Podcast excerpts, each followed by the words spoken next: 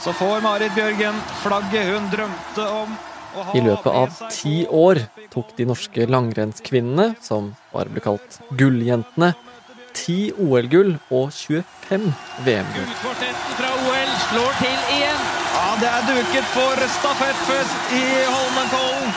Marit Bjørgen surfer inn. Og to av de på laget, Marit Bjørgen og Therese Johaug, rakk i løpet av disse årene å bli de mestvinnende kvinnelige langrennsløperne noensinne. Og det har vært en perfekt dag i Kollen. Til og med sola har tittet fram. Men ettersom gulljente etter gulljente har lagt opp, har også historiene om en skadelig ukultur kommet frem i lyset. Hvordan vil det føles å sitte der foran TV-en og følge folkeheltene i skisporet, hvis du vet at hver tredje utøver kan ha spiseforstyrrelser? er det en del som strever med å finne balansen når det gjelder eh, næringsinntak. Det er jo nok med at eh, noen eh, tenker at man står over den desserten, så kan jo det smitte over på flere av utøverne òg. Og sist i rekken av gulljenter som forteller, Therese Johaug i sin nye bok. Og, og jeg ville jo på en måte kanskje ikke da innse problemet helt. Hvordan kan det ha seg at Norges aller beste langrennskvinner, som vi har heiet frem og sett opp til i mange år, med sitt enorme apparat av trenere, psykologer og helsepersonell, nesten alle forteller om utfordringer knyttet til mat og spising. Du hører på Forklart fra Aftenposten, og jeg heter David Vekoni. I dag er det torsdag 10. november.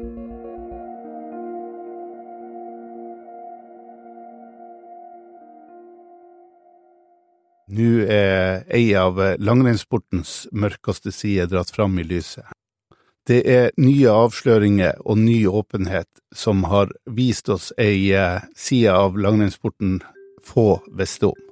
Kurt Haugli er journalist her i Aftenposten, og har fulgt de norske langrennsjentene siden talentet fra dalsbygda, Therese Johaug, begynte å komme inn i landslagsvarmen. Jeg har vært med siden 2009, og 2009 var vel på en måte et slags eh, annus horribilis for eh, norsk kvinnelangrenn. Eh, Norsk kvinnelangrenn var langt nede det året. På denne tida er det likevel ganske mange unge talenter på vei inn i landslagstroppen, og et av dem er Therese Johaug. Og snart skal hun bli med på en av de største langrennssuksessene på kvinnesiden noensinne. Året etter det store nederlaget i Tsjekkia er det nemlig duket for OL i Vancouver. Bjørgen var jo selvfølgelig ledestjerne, men rundt seg hadde hun mange talenter, og hun hadde eh, en dyktig trener og, og, og støtte, trenerstab og et eh, dyktig støtteapparat som, som, på en måte skapte et, eh, en, en, en godfølelse rundt det laget som, som gjorde at eh, det kom eh, suksess på suksess. altså Det var eh, VM i Val di Fiemme, det ble OL i Sotsji, som til tross for noen smørebommer var et godt OL for Norge. Eh, det toppa seg i Pyeongchang i 2018, og eh, det var i det hele tatt et tiår som var, var en eneste stor opptur. Og ikke bare det, de får enorme sponsoravtaler, og de får sin egen TV-serie på NRK. Verdens beste skijenter. Men jubelen og gullrusen har også en bakside, som få snakker om, men som journalistene som har fulgt løperne over mange år, legger merke til. Vi eh, så jo at eh, det var utøvere som varierte i vekt. Og eh, som vi vet, så eh, er jo eh, langrenn en utholdenhetsidrett hvor eh, du har en viss fordel av å være lett. Alle som har gått på topptur med ryggsekk og på et eller annet tidspunkt tatt av seg ryggsekken og prøvd å fortsette, vet hvor stor forskjell det er å ta bort fem kilo, ti kilo. Så vekt har alltid vært en, et, et en faktor for det å kunne drive langrenn på toppnivå. Og vi så at utøvere ble tynne i perioder. Jeg skal ikke si at de var uforsvarlige, men eh, i, i, perioder så, så, så, var de nok i grenseland, veldig mange løpere. Eh, samtidig så, eh, var det sjelden aktuelt for oss journalister å stille spørsmål om vekt. Det handler om helsen til en utøver, og eh, det er jo eh, personlige opplysninger som, en, eh, som vi eh, som journalister ikke hadde noe med. Så, eh, så i Men vi hadde våre mistanker om at noen sleit mer enn andre. Men samtidig så er jo suksess noe som også blender for de kritiske spørsmålene. For de kritiske spørsmålene blir bare hengende litt sånn i lufta. Helt til gulljentene pensjonerer seg én etter én og tar bladet fra munnen.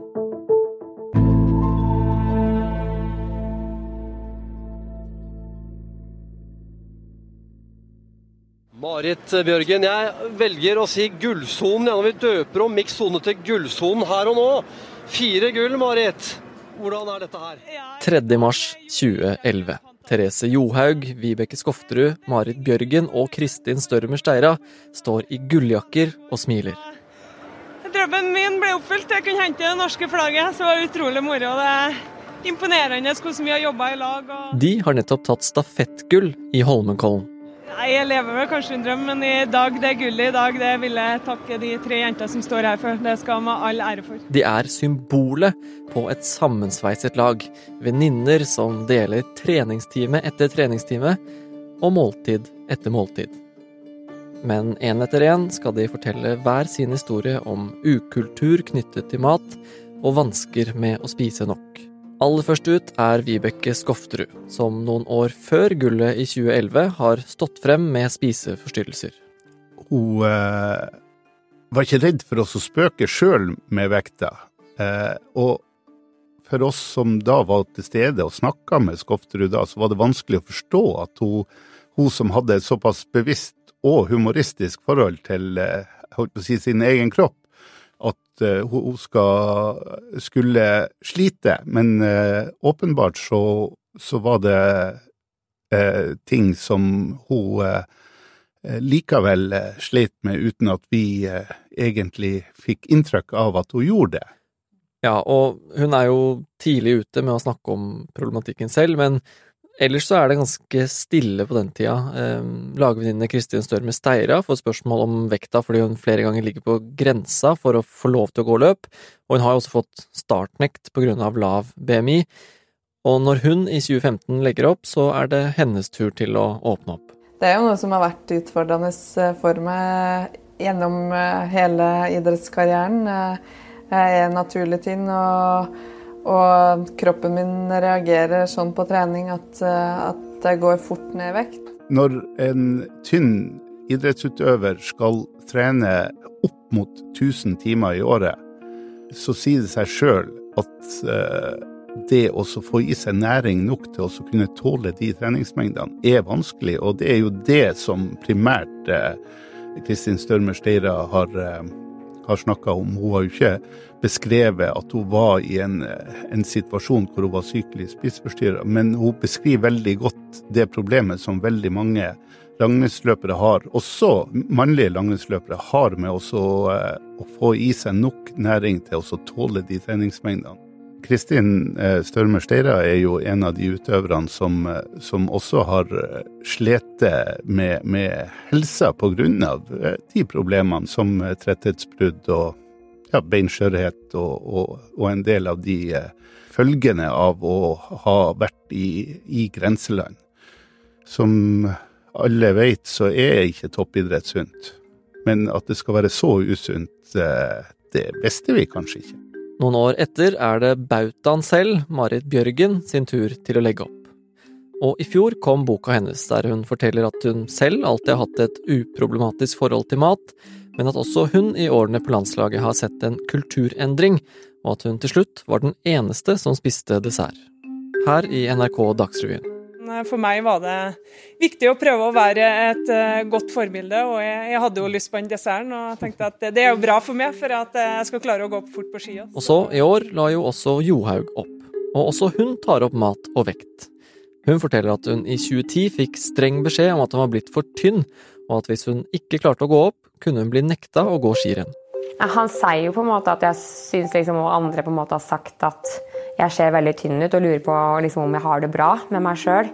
Og, og, jeg ville jo på en måte kanskje ikke da innse problemet helt. Hvis jeg på en måte da ikke hadde skjønt alvoret da, ikke hadde de rette folka til å hjelpe meg, så kunne faktisk karrieren min sett eh, helt annerledes ut. Therese Johaug forteller også om episoder hvor hun har oppfatta et eh, skal vi si eh, uheldig måte å fokusere på hvordan utøvere på landslaget skulle spise og skulle forholde seg til mat. Og flere av dem har altså opplevd startnekt, at de ikke blir medisinsk klarert til å få gå renn. Ingvild Flugstad Østberg hadde slitt med helsen i to år og fått startnekt og flere tretthetsbrudd, før hun denne uka endelig kunne fortelle at hun fikk lov til å gå igjen. Og i hvert fall så er jo situasjonen nå sånn at eh, jeg har fått eh, godkjent eh, helseattest. Så da skal jeg ut og gå skirenn. Når jeg sitter og leser de sakene her, så blir jeg, jeg blir litt lei meg, da. For jeg bare lurer på hvor hen skal egentlig eh, ungdommene våre, og voksne for den saks skyld eh, det, her, det rammer jo både gutter og menn og unge og eldre. Hvor hen skal man egentlig snu blikket hvis at man er skikkelig dritlei av den slankekulturen som har etsa seg inn i alle hjørner av samfunnet? Hvor hen skal man snu blikket for å slippe? Det lurer jeg på. altså. Ingeborg Senneseth, du er journalist i Aftenposten og har skrevet mye om helse, kroppspress og spiseforstyrrelser. Og Johaug snakker jo blant annet om at hun risikerte startnekt fordi hun var i ferd med å bli for tynn, og andre har også fått startnekt. Hva kan konsekvensen være av å få i seg for lite mat? Konsekvensen sånn rent generelt, for, eh, spesielt for kvinner, da, er at hvis du har for lav fettprosent eller for eh, lite fett eh, sånn på kroppen, så får en ikke til å utføre de funksjonene man skal. Da. F.eks. så kan du miste mensen. Det kan virke ganske nice å slippe det plaginga der hver måned, men det innebærer at du kan få beinskjørhet. Jeg har selv en overkropp på ca. 80 år, hvis du sammenligner med det man skulle hatt pga. flere år med undervekt. Eh, og jeg har jo da fått bygd opp kroppen min en del, mens mange andre kanskje da ligger enda flere år på lav undervekt. Og hvis du da trener samtidig, så tærer det jo enda mer. Det er ganske mange konsekvenser som viser seg hvis du kommer lavt nok i vekt, men som kanskje da i en eh, idrettssammenheng ikke ville ha blitt eh, lagt merke til på samme måten. Og dette er da en pris utøverne åpenbart skal betale for å gjøre det godt i en idrett. Og det er ikke sikkert de gjør det godt engang. Eh, Johaug har jo også fortalt om at hun gjorde det best da hun lå høyest i vekt, og det er jo et eh, tankekors. Ja, hva sier det egentlig om kulturen, da, når kvinne etter kvinne står frem og snakker om at de har hatt et usunt forhold til mat, og at det har vært problemer bak gullmedaljene? Jeg syns det sier noen ting om at det her er ekstremt sterke folk som har vært villige til å betale en høy pris for å gjøre det godt, både på egne vegne og på vegne av laget.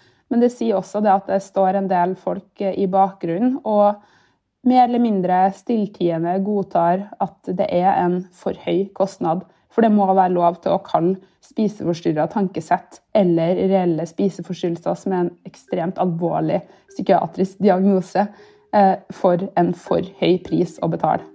Vi har tatt kontakt med Norges Skiforbund, som skriver i en e-post at de jobber systematisk sammen med ernæringsavdelingen på Olympiatoppen, hvor utøvere på landslag har tilbud om samtaler og kunnskapsformidling. De har innført helseattest, hvor utøverne gjennom egen erklæring og legeundersøkelse må klareres for å kunne gå. De skriver også at de har en bevisst strategi om åpenhet rundt trening, ernæring og en sunn kropp, men at enkeltutøveres private helseopplysninger ikke kan deles med media og omverdenen. Kurt Haugli, du som har fulgt langrennskvinnene lenge, fra ditt perspektiv langs sporet, hvordan kan det ha seg at så mange beskriver en ukultur knyttet til mat? Altså, hvor kommer det fra? Jeg tror at det er kommet fram til ei ny åpenhet rundt det her. Det har bl.a. sammenheng med at det er bedrevet en god del kritisk journalistikk rundt eh, de problemene. Det har vært en del utøvere, ikke spesielt kjente, men utøvere i langrenn som har stått fram og fortalt om problemene sine. Eh, Dagbladet har gjort en veldig god jobb med å avdekke forhold innenfor eh, langrennssporten, og ikke bare på elitenivå, men også nedover i, i årsklassene. Samtidig så har jo eh, idrettsforbund og eh, Norges Skiforbund prøvd å ta tak i problemene. Altså, de har eh, starta aksjoner som Sunn jenteidrett, og den heter vel kanskje bare Sunn idrett nå, men som har fokus på ernæring og, og, idrett. Og det har jo heller ikke bare med det som har skjedd innenfor langrenn, men også hele tidsånden har talt for mer åpenhet. Så jeg tror det har blitt lettere å snakke om det. Og de problemene som Johaug forteller om, det er jo en del år siden nå. Har idretten klart å ordne opp nå, da? Idretten forsøker å rydde opp og unngå at, eh, at vi får nye offer, men eh, om de gjør nok, er jo selvsagt et, et, et evig tema. Eh, det vil, eh, som ellers i samfunnet, alltid være personer som får problemer med, med kostholdet. I utholdenhetsidretter som langrenn, som i livet ellers. Altså det, det, er andre faktorer også enn det ønsket om å bli god til å gå i motbakker som fører til spiseforstyrrelse.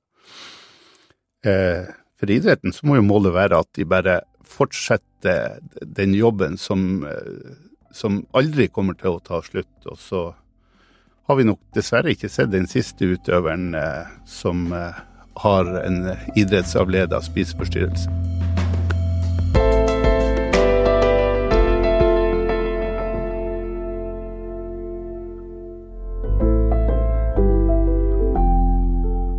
Du har hørt en podkast fra Aftenposten. Det var Kurt Haugli og Ingeborg Senneseth som fortalte om spiseutfordringene blant utøverne i norsk skisport. Lyden du har hørt er fra NRK og VGTV. Det er Marit Eriksdatter Gjelland, Fride Næss Nonstad og meg, David Vekoni, som har laget denne episoden. Og resten av Forklart er Anne Lindholm, Jenny Førland, Synne Søhol og Anders Weberg.